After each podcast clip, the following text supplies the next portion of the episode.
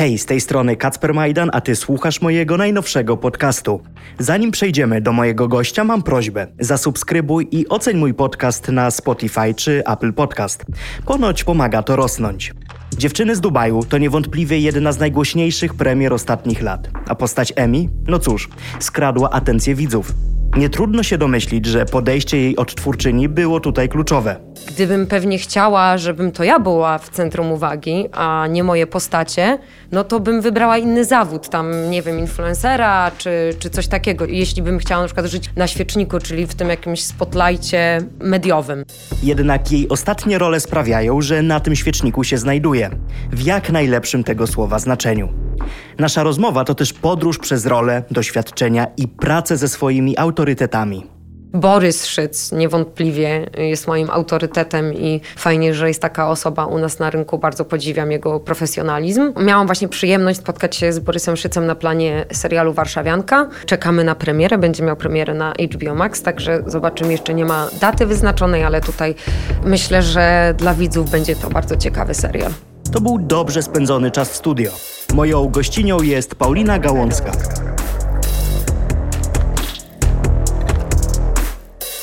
To jest ten moment, kiedy zapada cisza i startujemy rozmowę. Czuję się już jak właściwie aktor po słowach akcja. Dzień dobry, Paulina, jak się masz? Dzień dobry, mam się. Myślę, że tak jak e, większość ludzi teraz w Polsce, czyli mam mieszane uczucia. Było, było bardzo fajnie spotkać się z bliskimi na święta Wielkanocy, mhm. ale z drugiej strony straszne jest to, że wojna cały czas trwa. Zaczęło się oblężenie Buczy na Ukrainie i bitwa o właśnie o Buczę, no i próby zdobycia Donbasu. Więc y, mam takie no mieszane mieszane uczucia, bo tutaj nigdy nie miało takiego dla mnie znaczenia życzenia spokojnych świąt. I cieszyłam się w te święta Wielkiej Nocy, że rzeczywiście, że mogę spędzać je spokojnie z rodziną i współczuję bardzo wszystkim rodzinom w Ukrainie, które nie mogły tego zrobić. A ty chyba masz rodzinę gdzieś blisko granicy w ogóle, tak? E, na Podlasiu, tak, tak ale to... bliżej e, granicy z Białorusią. Okej, okay. ja mam w ogóle swoją drogą, no to jesteśmy prawie, że sąsiadami, bo moja część rodziny też gdzieś tam w tamtych rejonach stacjonuje. Aha. Ale faktycznie to jest też coś takiego, ja osobiście pochodzę z Lubelszczyzna, moja rodzina, która jest tam, e, to jest od strony mojej mamy, ale to jest coś takiego w głowie, że faktycznie będąc blisko granic z tymi państwami, ten niepokój jest jakiś taki chyba trochę większy. Czy tylko u mnie? Na pewno, to znaczy na pewno bliżej, bardziej ci mieszkańcy rozważają możliwość czegoś takiego. To mhm. bardzo śmieszne, bo właśnie w święta moja mama i ciocia do swoich sióstr robiły takie wytrawne żarty, czarny humor. Na temat tego zadzwoniły do swojej siostry i mówią do niej przez telefon, a czy ciebie już tam w Siedlcach Putin ustrzelił? Bo ty tam bliżej niż my. Albo do innej ciotki, która na wsi właśnie blisko granicy z Białorusią mieszka, że no, ty tam uważaj, bo ty to tam, do ciebie to tam blisko, tam rakieta cię jeszcze tam trafi. Na co ciotka jeszcze do mnie będziecie wszyscy uciekać z tego miasta, a my tu lepsze bunkry mamy w piwnicach. Także bardzo dla mnie to było takie trochę nawet powiedziałabym szokujące, że te 60-latki sobie tak żartują e, jakby z wojny, ale to są też osoby, które przeżyły jednak transformację, które żyły w dwóch różnych ustrojach, pamiętają jeszcze czasy powojenne, czyli całą odbudowę państwa,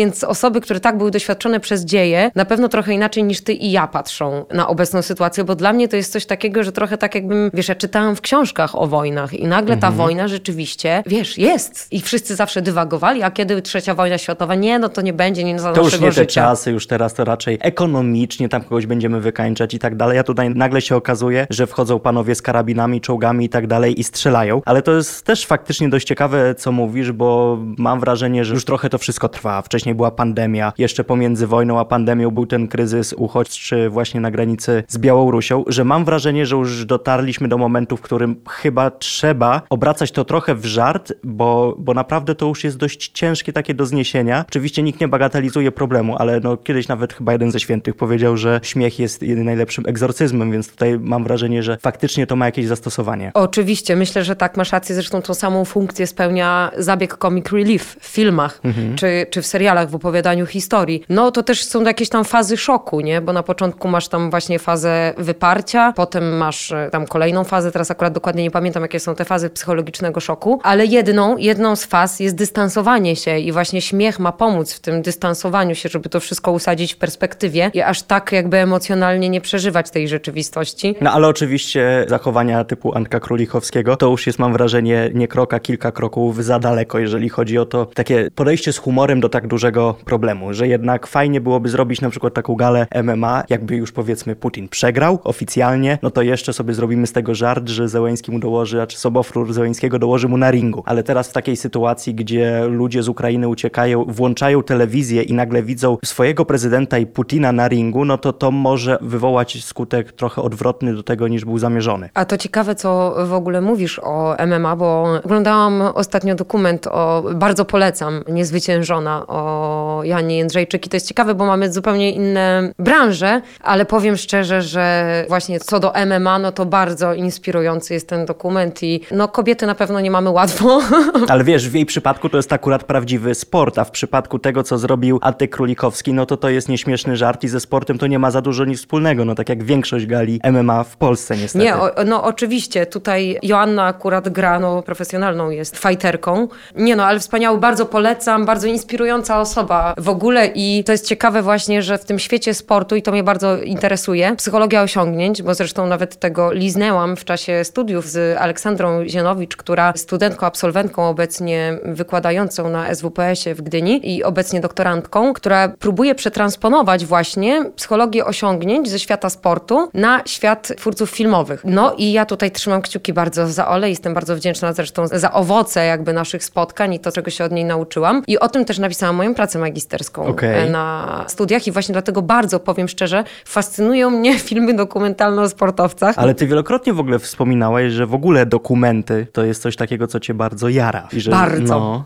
bardzo. A to pomaga, jeżeli oglądasz film dokumentalny i, tak. i na przykład jakimś sportowcu i później miałabyś tak. odegrać rolę takiego sportowca, to to by ci pomogło, bo miałabyś wzór do naśladowania, czy przeszkadzało w tym, że mogłabyś być poniekąd kalką? Nie, no to chyba by pomogło, tak mi się wydaje. Właśnie jest też taki bardzo fajny dokument o Michaelu Jordanie. Z chęcią zagrałabym Michaela Jordana. Niesamowity ten znaczy, koleś ma umysł, no wiem. Brakuje mi tylko, wiesz, pewnie półtora metra.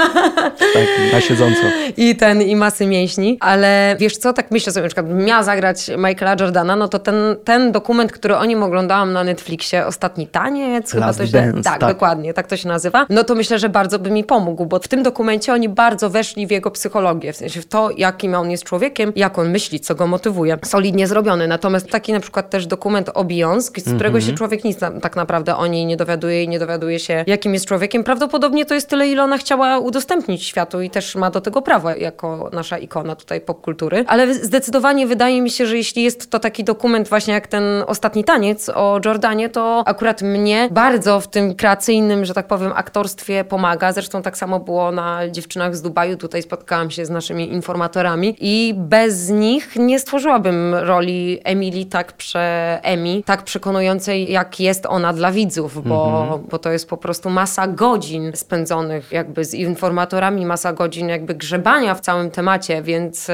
no ja absolutnie potrzebuję takich materiałów na pewno. Do, do Dziewczyn z Dubaju to jeszcze sobie przejdziemy, ale zastanawia mnie jako aktorka, jak przygotowujesz się do roli, bo są dwie szkoły, przynajmniej ja o dwóch słyszałem. Jedna tak. jest taka, że żyjesz swoją postacią 24 na dobę, to pamiętam, że kiedyś wieki, wieki temu chyba Marcin Dorociński też o tym opowiadał, że no jak on grał dużo takich ciężkich ról, no to powroty do domu i życie normalnie pomiędzy rodziną i dziećmi było trudne. No to to jest ta jedna droga, druga jest taka, że no kończy się plan zdjęciowy i ty z tej postaci wychodzisz. Ty jaką jesteś osobą? Ojejku, ja myślę, że ciężko jest już to, to rozróżnić. Myślę, że to, to jest takie trochę uogólnienie, żeby powiedzieć, że tak i tak. To, o czym mówi, że tam 24 godziny jesteś jakby w postaci, no to się mówi, że Daniel Day-Lewis tak mhm. pracuje właśnie, że jak grał Abrahama Lincolna, to był, wiesz, w domu jadł kolację jako Abraham Lincoln.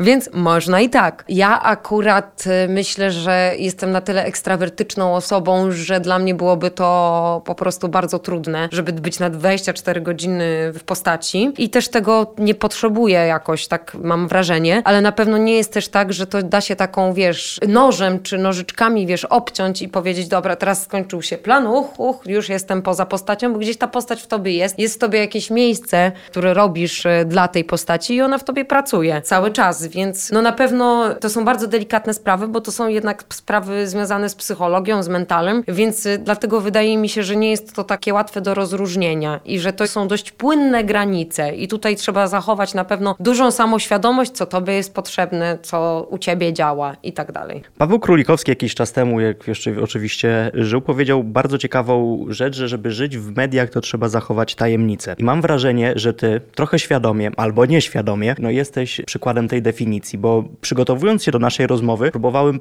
zrozumieć trochę, jak, jakiego rodzaju osobą jesteś. I nie mówię tutaj nawet o rzeczach prywatnych, tylko o tobie, jako jesteś po prostu aktorką. Czy ty celowo to robisz, że zostawiasz takie niedopowiedzenie na swój temat, czy to po prostu przypadek albo brak nadczająco wnikliwych dziennikarzy, którzy z tobą rozmawiają? Wydaje mi się, że to jest tak, że moją pasją i moim zawodem jest bycie aktorem, aktorką. W związku z tym to, co dla mnie jest ważne, to jest ten świat, o którym opowiadam, czy tam w który się wcielam i gdybym pewnie chciała, żebym to ja była w centrum uwagi, a nie moje postacie, no to bym wybrała inny zawód, tam nie wiem, influencera czy coś takiego. Jeśli bym chciała na przykład żyć na świeczniku, czyli w tym jakimś spotlightie mediowym. No ale coraz więcej aktorów tak robi, że Bo- wiesz, że swoją tą karierą bycia właśnie bycia influencerką, influencerem No, no, no. napędza swoje role kinowe, teatralne. No pewnie tak, ale na pewno tak jest. W sensie nie wiem, tu trzeba byłoby się, wiesz, jakoś zbadać, zrobić badania fokusowe, żeby się dowiedzieć, czy rzeczywiście taki jest to współmierny, że tak powiem, stosunek tam i że to rzeczywiście idzie równolegle. No ja akurat, no po prostu nie wiem, nawet nie miałabym czasu teraz, żeby się dzielić e, moim życiem prywatnym, bo pracy jest tyle i też lubię mieć czas na moje życie prywatne, więc a żeby dzielić się życiem prywatnym, musisz też poświęcić to swoje życie prywatne, żeby wykonać ten cały wysiłek dzielenia się nim. A i to, co mnie interesuje i to, co kocham, to jest kreowanie, to jest tworzenie, to są spotkania z ludźmi i tym się zajmuję, więc pewnie dlatego w przestrzeni publicznej głównie jest to, co robię. W ogóle niesamowite jest to, że gdzieś wyczytałem, że ty na początku wstydziłaś się powiedzieć, że chciałabyś zostać aktorką. Że to było dla ciebie takie dość trudne, żeby faktycznie to światu ogłosić w tych początkowych stadiach. I to jest dla mnie o tyle niesamowite, że dzisiaj raczej ludzie, no mówią przede wszystkim więcej niż robią, ale tak bardzo się obnoszą ze wszystkimi swoimi planami, ambicjami i tak dalej, i tak dalej, i tak dalej. A ta taka nieśmiałość jest dzisiaj bardzo zaginioną cechą, która chyba jest taka dość szlachetna. Sensie ja tak to odbieram. U mnie to wynikało, wiesz co, bardziej z tego, że ja po prostu dość trzeźwo patrzę na życie. I wiedziałam po prostu, że to jest, no jakby trzeba dzielić siły na zamiary i patrzeć właśnie na jakby rynek, market jaki jest. No i podaż aktorów jest bardzo duża. Popyt mniejszy, jest bardzo dużo szkół artystycznych. Też jest to taki zawód, że niekoniecznie szkoła czy tam dyplom gwarantuje ci, tak jak inżynierowi, że ty lepiej wybudujesz most, niż zrobi to osoba, która nie ma tego wykształcenia jakiegoś tam inżynierskiego. No a u nas to tak czasami nie jest, bo są osoby, które są bez szkoły, są niesamowicie utalentowane po prostu. Także ja im zazdroszczę ich intuicji i wiesz, po prostu ich wyobraźni i wrażliwości. Więc no właśnie zdawałam sobie sprawę z tego, jak bardzo żywy jest to rynek pracy i też no stosunkowo Polska jest małym krajem, stosunkowo jakby do, czyli produkcji nie ma aż tak dużo, czyli konkurencja jest bardzo wysoka. Więc z tego powodu jakoś wstydziłam się przyznać do tego szalonego jakże pomysłu, no bo to mi się wydawało być kompletnie szalone zostać aktorką. Ale z drugiej strony później informujesz, że jesteś na takim etapie już w życiu, że niespecjalnie chyba się boisz tym, że telefon nie zadzwoni, że nie będzie tych ról, że jest taki moment teraz, w którym poczułaś no właśnie taki spokój artystyczny. Wiesz co, myślę, że to tak nie jest. W sensie, że w tym zawodzie naprawdę Bo nikt... kiedyś powiedziałaś, nawet zacytuję, No, no. zapomniałam o tym lęku walki o chleb. I tak jak sobie teraz to przekładam na język tego, co, W którym co roku mówią to było aktorzy. powiedziane? Nie wiem, notatki robiłem 18 kwietnia 2022 roku. Oj, kochany. Znaczy to było dość dawno temu powiedziane. Właśnie, to no właśnie, brzmi jak wypowiedź sprzed 10 lat, czy tam coś takiego, No jak kończyłam studia. Ale to jak wtedy coś takiego powiedziałaś, a dzisiaj No. masz już za sobą ogromne produkcje, no to dzisiaj tylko to się mogło nasilić. To jest tak, że bycie freelancerem i na pewno to dotyczy też właśnie twojej działki. Bycie jakimś tam osobą, która pracuje w mediach na takim żywym rynku oraz jest sobie samemu sterem, żeglarzem i okrętem, no wiąże się z tym, że nie masz zapewnionej przyszłości i nie potrafisz czasami przewidzieć, na czym będzie polegał popyt na ciebie, albo brak tego popytu na ciebie, albo w jakiej ty będziesz kondycji, bo to też jest ważne, w jakiej człowiek jest kondycji, żeby móc odpowiadać na te, że tak powiem, propozycje pracy, bo można dostać propozycję pracy, ale można nie czuć się na siłach ją wykonać. W związku z tym myślę, że ten lęk będzie towarzyszył mi zawsze i po prostu trzeba go przekuwać na motywację i naprawdę nie ma zasady, bo czasami są koledzy czy osoby, które bardzo dużo grały i nagle się mało gra. To się mówi, że to po prostu idzie u nas w branży falami. I nie warto na pewno tragizować. Myślę, że dla mnie z latami przyszło bardzo dużo takiego zdrowego rozsądku i na pewno już nie, tak, nie mam w sobie takiej paniki czy takiego ogromnego lęku. Raczej potrafię planować z wyprzedzeniem i gdzieś tam ta samoświadomość też rośnie. Ale nikt nie powiedział, że będę miała do końca życia pracę, więc y, nie wiadomo. Ale to jest w ogóle niesamowite, bo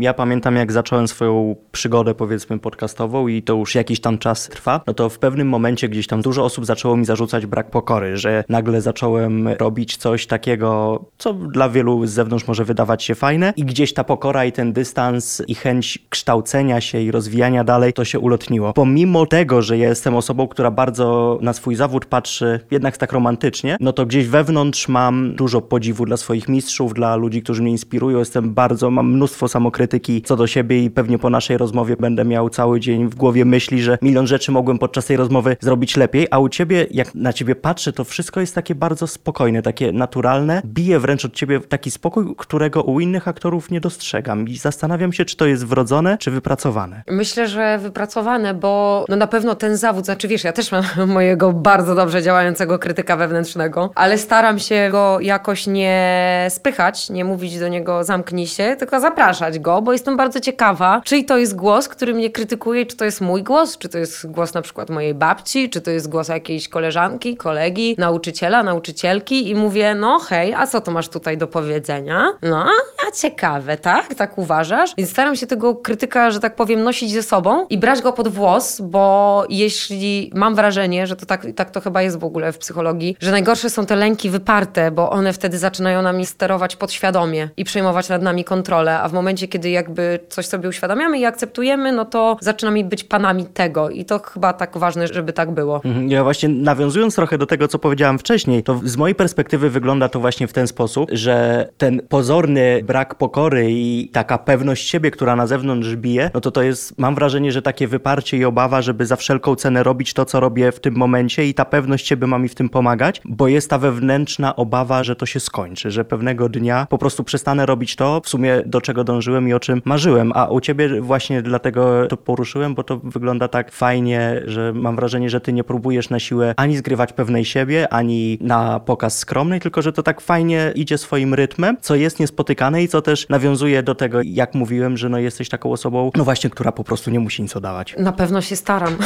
w sensie, nie no, ale to jest właśnie ta akceptacja samego siebie, ale właśnie widzisz, nie wiem ile ty masz lat, ale chyba jestem trochę starsza. Pewnie jak będziesz w moim wieku, to też już będziesz miał taki spokój, w sensie, że zdobędziesz to, no bo to mi się wydaje, że być naturalne, to o czym mówisz, że ta chęć naddania zaklęcia rzeczywistości, bo jesteśmy zależni od tak żywego rynku, od tak żywej, zmieniającej się ciągle rzeczywistości naszej pracy, że po prostu starasz się zaklinać tą rzeczywistość, żeby poszła ona po naszej myśli. No i tutaj właśnie taki wywiad kiedyś czytałam z Robertem Lewandowskim, tu się znowu kłania psychologia osiągnięć mhm. w sporcie, że jak był przemotywowany, to nie szło mu zbyt dobrze na boisku i że jak złapał tą harmonię w sobie, to wtedy okazało się, że jest najlepszym wydaniem samego siebie w trakcie meczu. Ale serio myślisz, że to jest kwestia wieku? Bo ja mam wrażenie, że to jest kwestia bardziej doświadczeń, a nie zawsze jedno i drugie idzie w parze. Oczywiście. Jakiś czas temu w ogóle, jak się też dowiedziałem, że będziemy dzisiaj rozmawiać, odpaliłem YouTube'a i nie wiem, czy to jest twój kanał, ale jest taki kanał właśnie Pauliny Gałązki, która wrzucała fragmenty ze swoich właśnie chyba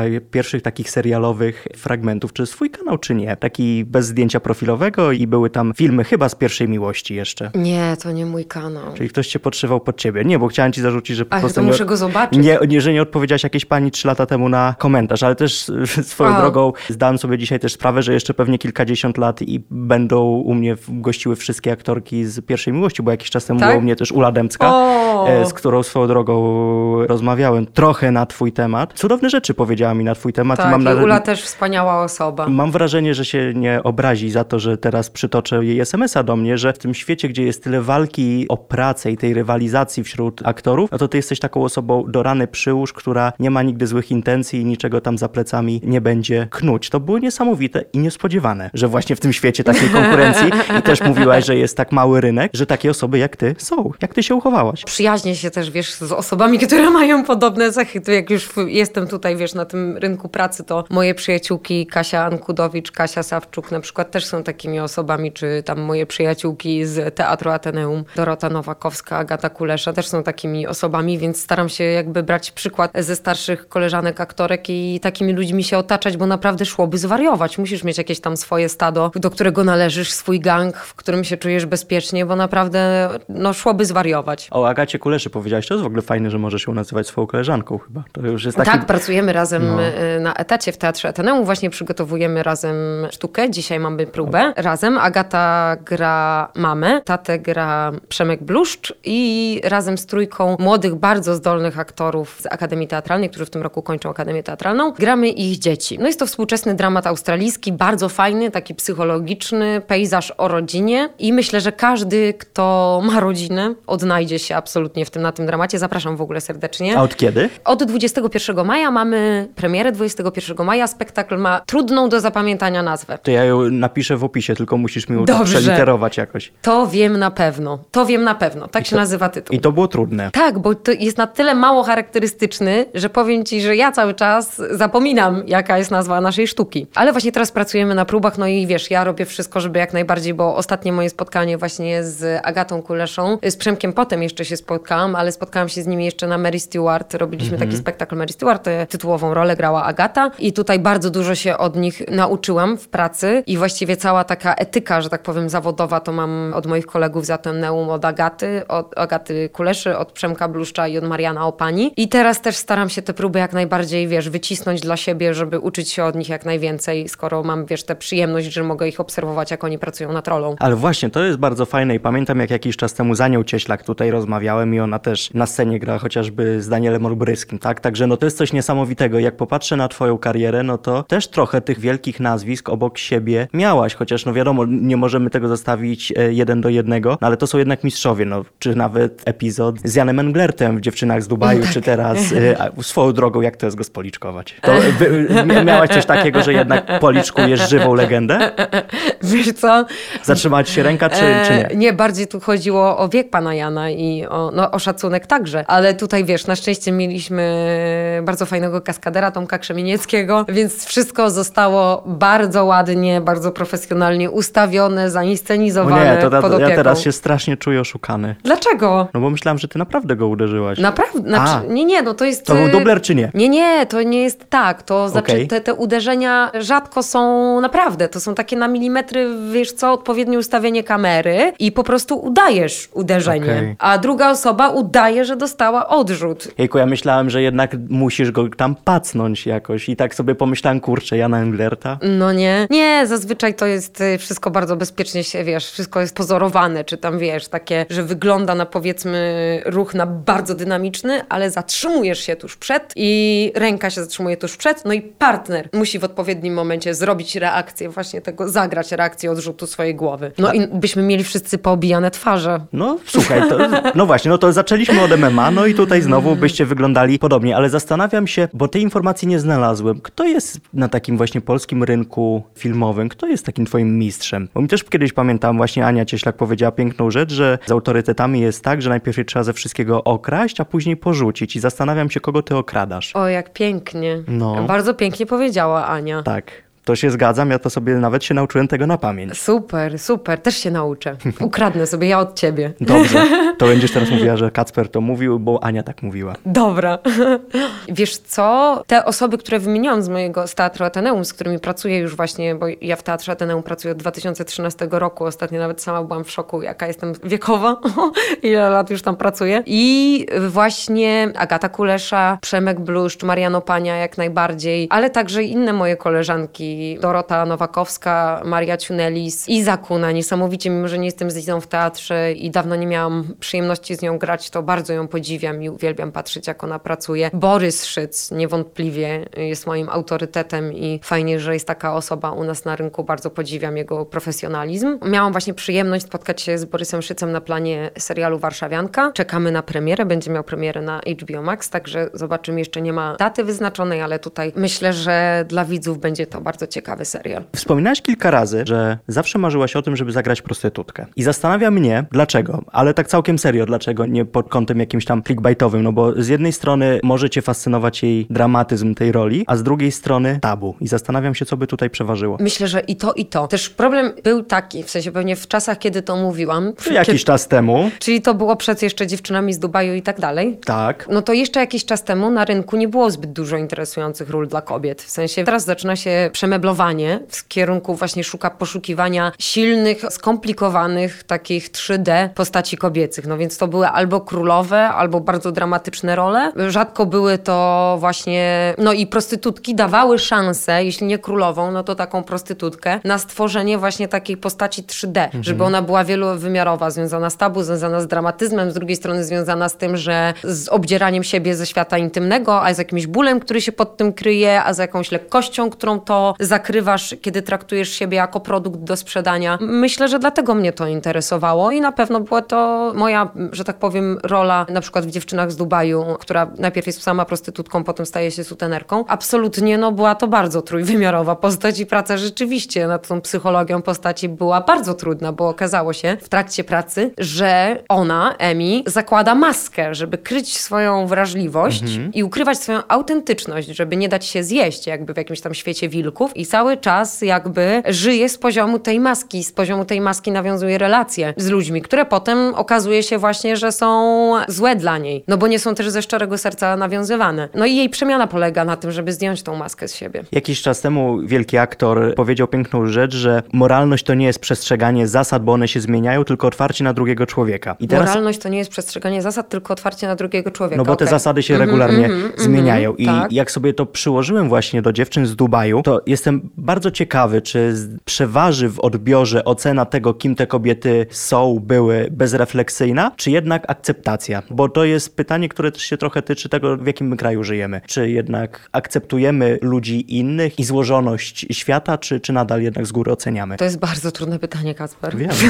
wiem, wiem. Nie wiem, dlaczego sądzisz, że we wtorek po świętach Wielkiej Nocy jestem w stanie na nie odpowiedzieć. Kochana, ja nad tym pytaniem myślałam wczoraj 4,5 godziny. O Boże, to szkoda lanego poniedziałku. Nie, żartuję oczywiście. Wiesz co? Może inaczej, wiesz co? Tak. Jaki częściej dostajesz feedback? Raczej oceniający twoją rolę, odbić. oceniający tak. twoją rolę z góry negatywnie, nie biorący pod uwagę złożoności problemu, czy raczej już gdzieś się pojawia to światło akceptacji, że takie osoby istnieją, a osoby z zewnątrz często nie mają kompletu potrzebnych informacji, żeby wyciągać wnioski i oceniać? Tak. Powiem ci, że sytuacja jest bardzo skomplikowana z tą akceptacją właśnie tych postaci i tego seksworkingu u nas w Polsce, dlatego, że film ma jakiś paradoks w ogóle dla mnie, ten film ze sobą niesie, ponieważ w świecie filmowym, w branży raczej miał negatywne recenzje i negatywne komentarze. A oczywiście nie odnosiły się one do gry aktorskiej, bo tutaj recenzenci byli łaskawi wobec, wobec nas, aktorów, aktorek przede wszystkim, ale odczucia wobec tego filmu jakby ze świata branżowego bardzo negatywne. Z drugiej strony widzowie w ogromnej większości uwielbiają ten film, są nim poruszeni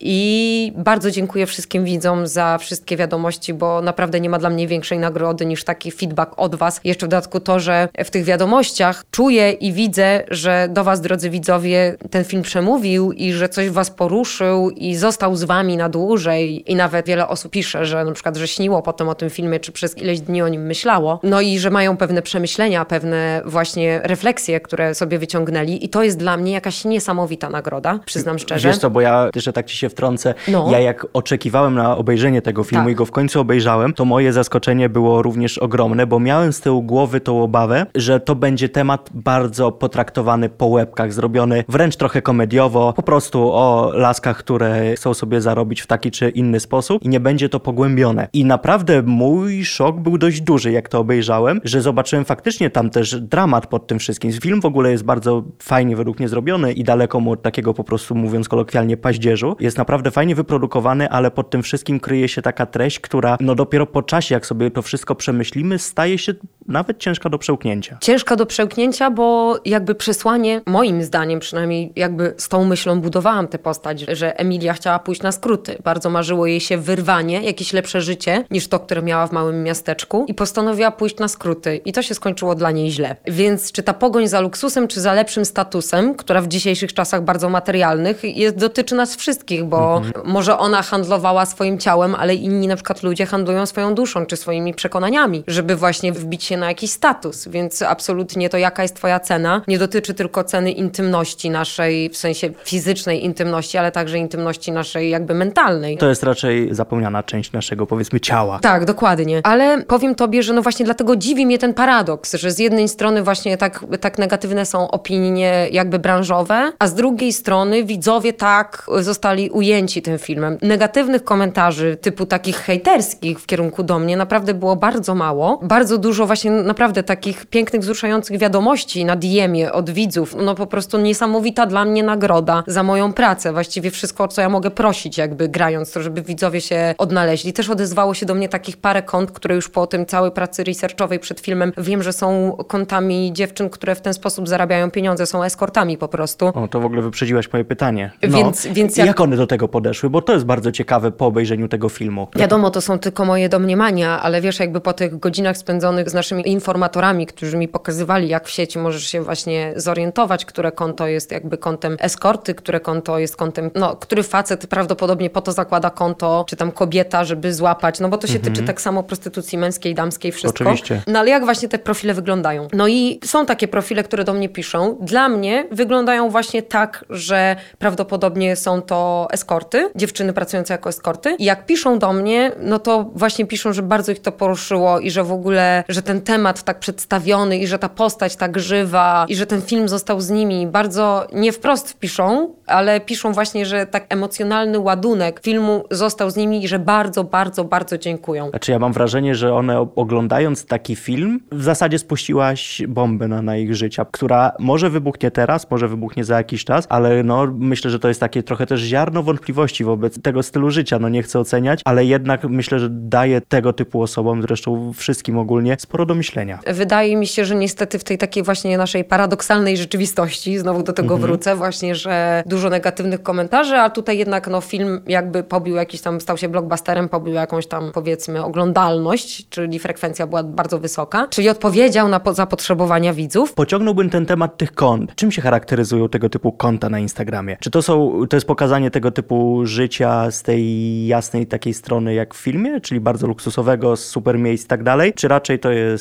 bardziej takie schowane, ukryte, ciche, nieme? Właśnie tak jak mówisz, no atrakcyjności, nie? Czyli tego, co jest właśnie klikalne na Instagramie, na social mediach. Mhm, czyli widzisz osoby, które 365 dni w roku są w Monako, ale ani przez sekundę nie zobaczysz tego, że na przykład gdzieś tam pracują, czy mają jakieś tam inne problemy, tak? No na przykład. Okej, okay, to jest bardzo ciekawe. A też fajną rzecz powiedziałaś, że faktycznie mało było tego hejtu, ale ja w ogóle, jak sobie przejrzałem twoje media społecznościowe, to wokół ciebie tego hejtu jest strasznie mało. I teraz nie wiem, czy to ja jestem po prostu oderwany, że każda osoba publiczna musi mieć na siebie wylane wiadro pomyj przez jakąś część społeczeństwa, czy w tobie jest coś takiego, że faktycznie sama jesteś aż tym zszokowana? Bo ról grałaś dużo wyrazistych, które wielu osobom mogły nie przypadać do gustu. Tak, to prawda. I nie chodzi tu o warsztat sam czysto aktorski, a o charaktery, które tam przedstawiałaś. No wiesz, myślę, że nie można chwalić dnia przed zachodem słońca. Zobaczymy, co będzie dalej, bo naprawdę patrząc na opinię publiczną, to łaska pańska na pstrym koniu jeździ. A to ładne, to teraz ja będę mówił, że to wiem od ciebie.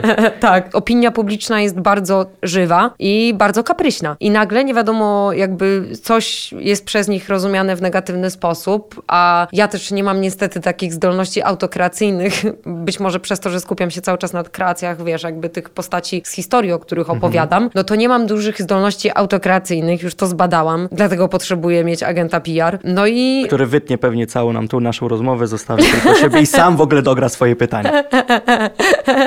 tak, dokładnie. Albo jeszcze nam napisze, nie? Tak. Dobrze. To powie pa, pytania mi odpowiedzi. Tak, Paulinka, to teraz zatrzymujemy się. Tutaj masz, jak masz ładnie panu odpowiadać.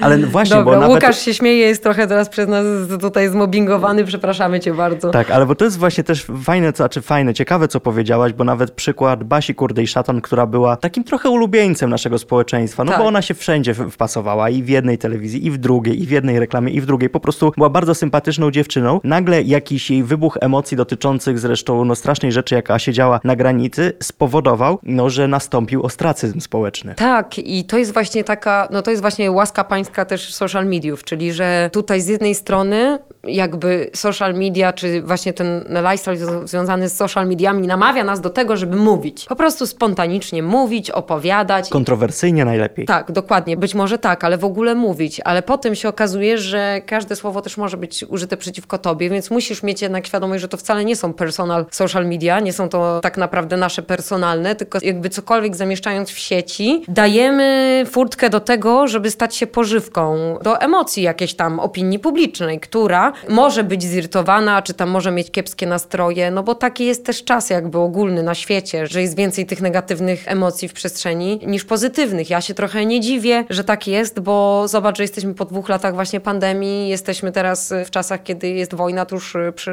u naszych sąsiadów, więc y, zresztą ta, ta nasza współczesność jest na tyle taka właśnie pełna absurdów, bo z jednej strony jakby pismo obrazkowe social mediów mówi ci, że po prostu wszystko może być piękne, bądź zmotywowany w ogóle. A później twoje życie tak nie wygląda tak. i jest ta frustracja, co I robię jest źle. ta frustracja właśnie, co robię źle, zadajesz sobie tysiąc pytań, na które nie masz odpowiedzi. No i poza tym stwarza się miraż, przecież jest demokracja, przecież jesteśmy równi, wszyscy możemy wszystko, możesz zmienić swoje życie. Oczywiście, chociaż nikt nie mówi tego, że każdy nie ma równych szans i to niestety... Dokładnie, nie ma czegoś takiego jak równe szanse, też jakby nasze, jakby nasz ustrój też nie pozwala sobie po prostu w dowolny sposób siebie realizować, więc y, no bo nie jest to państw, typ państwa opiekuńczego, w którym masz wszystko zapewnione z góry i po prostu dostatnią emeryturę i tak dalej, więc między innymi zaczynając od takich rzeczy, myślę, że to powoduje dużą frustrację w społeczeństwie, a w związku z tym ta frustracja wyładowuje się na osobach publicznych, więc ciężko tu kogokolwiek winić, czy nasze społeczeństwo, czy osoby publiczne, no ale w takiej sobie żyjemy w takim tangu. Co w takim razie usłyszałaś, pomimo tego, że tak jak wspomniałem wcześniej, tych negatywnych informacji na twój temat właściwie nie ma, czy usłyszałaś w ogóle coś takiego, co ci naprawdę dotknęło, co wzięłaś do siebie? Coś, co mnie dotknęło w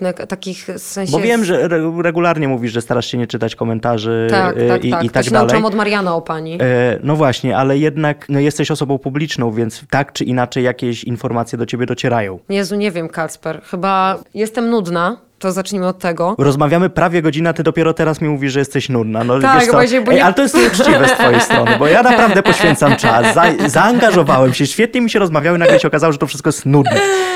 Nie, a tak serio, już trochę tytułem końca. Po pierwsze super, że w ten sposób w sumie na ten moment ciągniesz swoją karierę, że nie ma za dużo tej negatywnej energii, a po drugie, że jesteś gdzieś na, na takim etapie, że dużo dobrego się chyba dzieje aktorsko. Mówiłaś o, Tak, o, o tak. nowej sztuce w Teatrze Ateneum niedługo. Tak. E, A widziałem też na twoim Instagramie, że w moim kochanym rodzinnym Lublinie coś kręciłaś. Jestem ciekawy, co ty tam takiego Ojejku, robiłaś? jak ja uwielbiam Lublin. To jest takie cudowne miasto. Zapraszam, No, mogę ci takie polecajki tam sprzedać. Dobrze, dobrze. Uwielbiam ludzi z Lublina. Naprawdę. Jesteście po prostu wspaniali. Myślę, że ten region naprawdę trzymam w ogóle kciuki, żeby ten region był jak najpopularniejszy. Jak gdzieś z przyjaciółkami mamy jechać na jakiś weekend miły, to właśnie wybieramy ten kierunek. No to ja wam sprzedam tipy. Bardzo, bardzo czekam. Byliśmy na zdjęciach do teatru telewizji Romeo i Julia, gdzie oczywiście nie grałam Julii, bo Grałaś Romeo, okej. Grałam Romea, tak. E, grałam Martę, ciocię, w naszej inscenizacji ciocię Julii. Bardzo fajnie reżyserka Kasia Klimkiewicz rozczytała dramat, bo postanowiła zrobić tę inscenizację o tym, że dorośli są niewystarczająco dobrzy i dlatego ta młodzież idzie w taką skrajność emocjonalną, że wszystko albo nic, miłość, śmierć i tak dalej. I myślę, że to jest takie fajne, bardzo współczesne spojrzenie Taki na... Squid Game. Wiesz co, nie oglądałam Squid Game. Wiem, słyszałem, że za straszne, ale już myślałem, Tak, że, że, już, musiałabym że się przy- przełamałaś. Nie, co ty musiałabym przewinąć i potem musiałabym zobaczyć, jak się skończy i dopiero wtedy zacząć znowu oglądać, żeby się nie bać. Ja za bardzo to przeżywam. O matko. No dobrze, no to mam nadzieję, że jednak to obejrzysz, bo to jest no, jednak coś docenionego i coś ciekawego, jeżeli chodzi o, o zjawisko Tak. kino z tamtych stron świata, które się robi bardzo popularne, zresztą jak i chociażby muzyka, a ja, żeby cię już dłużej nie przytrzymywać tutaj w studiu, bo wiem, że jesteś strasznie zabieganą osobą, życzę ci tego, żebyśmy mieli jeszcze wiele okazji do porozmawiania, bo jednak im ich więcej, to znaczy, że więcej się w twoim życiu będzie działo. Oczywiście, Kacper, dziękuję bardzo za rozmowę. Dziękuję Ci pięknie. Dziękuję, że słuchasz mojego podcastu do końca. Nie zapomnij ocenić i zasubskrybować go na każdej platformie podcastowej. Do usłyszenia już za tydzień. Kacper Majdan.